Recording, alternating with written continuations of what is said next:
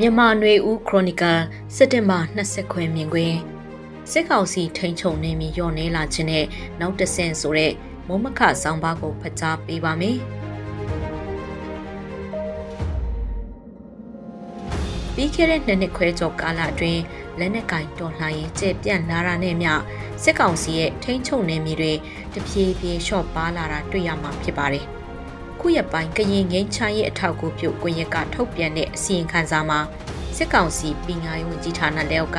စာသင်ကျောင်းအရေးအတွက်ရာဂနာနဲ့ချီပြီး KNU ထိန်းချုပ်မှုအကူရောက်ရှိလာတယ်လို့ဖော်ပြထားတာသတင်းတွေမှာတွေ့ရပါတယ်။အဲ့ဒီနေရာတွေကတော့မြန်မာနိုင်ငံအရှေ့တောင်ပိုင်းကရင်ပြည်နယ်၊မွန်ပြည်နယ်၊တနင်္သာရီတိုင်းတို့က KNU ထိန်းချုပ်နေမြင့်နဲ့ထိစပ်နေတဲ့နေမြေတွေကစာတင်ကျောင်းတွေဖြစ်တယ်လို့ဆိုပါတယ်။တထုံတောင်ငူ ညောင်လေးပင်ဟာပွန်ဒူးပလာယာဖအံနဲ့တနင်္သာရီခရိုင်ထဲကကျောင်းပေါင်း380ကျော် KNU အဖွဲ့အစည်းရဲ့ကရင်ပညာရေးနဲ့ယဉ်ကျေးမှုဌာန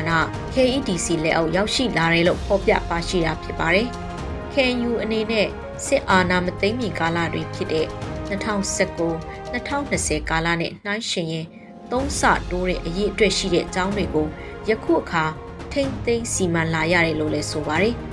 ရခိုင်ကကျောင်းပေါင်း380ကျော်သာစီမံရတဲ့အနေအထားကနေအခုအခါကျောင်းပေါင်း900ကျော်ကိုစီမံလာရတဲ့သဘောလေးဖြစ်ပါတယ်။ဒီလိုစာသင်ကျောင်းရာချီတိုးပြီးရောက်ရှိလာတဲ့ဒေသတွေဟာ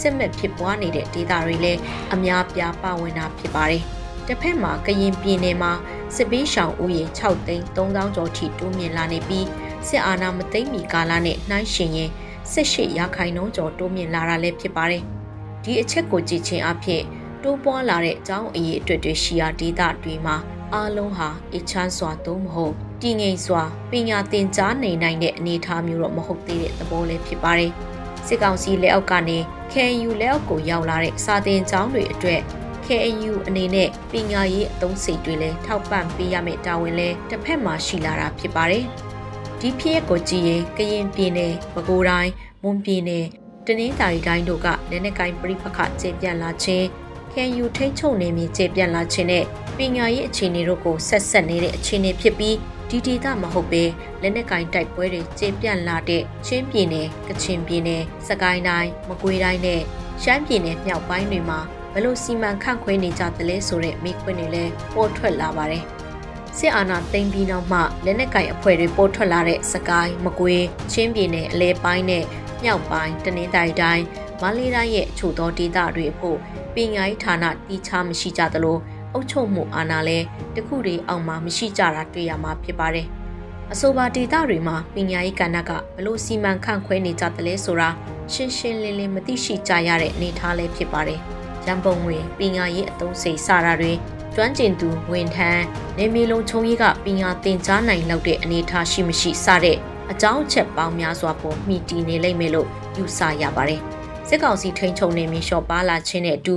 အဲ့နေရာတွေကိုနေရာဝင်ယူတဲ့လက်နက်ကင်အဖွဲ့အစည်းတွေအနေနဲ့အုပ်ချုပ်ရေးပညာရေးစီးပွားရေးအခွန်အကောက်စတာတွေမှာကောင်းမွန်စွာစီမံခန့်ခွဲနိုင်ဖို့လဲလိုအပ်လာမှာဖြစ်ပါတယ်။လက်ဟာသွားတဲ့နေရာမှာပညာရေး၊ကျန်းမာရေးတရားဥပဒေစိုးမိုးရေးတို့ကိုဘယ်လိုစီမံအုပ်ချုပ်ကြမလဲ။တိုက်ခိုက်ရေးကာလမို့လို့ လက်နက်ကင်တိုက်ပွဲဒီတာနံပါတ်1လက်နက်ကင်တိုက်ပွဲဒီတာနံပါတ်2လက်နက်ကင်တိုက်ပွဲဒီတာနံပါတ်3ဆိုတဲ့သဘောမျိုးနဲ့ကြံတဲ့အရေးကိစ္စတွေကိုမစီမံနိုင်တာဗန္နာငွေမရှိတာလည်းဖြစ်နိုင်တဲ့အနေအထားတွေရှိနိုင်ပါတယ်။လုံခဲတဲ့လအနည်းငယ်တုန်းကဖတ်ရှုရတဲ့ချင်းပြည်နယ်နဲ့ပတ်သက်တဲ့သတင်းတပုံမှာတော့စစ်အာဏာသိမ်းပြီးနောက်ချင်းပြည်နယ်မှာစစ်ကောင်စီရဲ့ကြောင်းတက်ရောက်သူမရှိသလောက်ကြဆင်းနေတဲ့အကြောင်းဖတ်ရှုရပါတယ်။ စစ်ကောင်စီကျောင်းတွေကဆရာဆရာမတွေ CDM လုပ်ကြတဲ့အချက်ကလည်းစစ်ကောင်စီပညာရေးမလဲပတ်နိုင်ခြင်းရဲ့အကြောင်းတစ်ချက်ဖြစ်နိုင်ပြီးအုပ်ချုပ်ရေးအရာအာမမခံနိုင်ခြင်းကအဓိကအကြောင်းအချက်ဖြစ်ကောင်းဖြစ်နိုင်ပါတယ်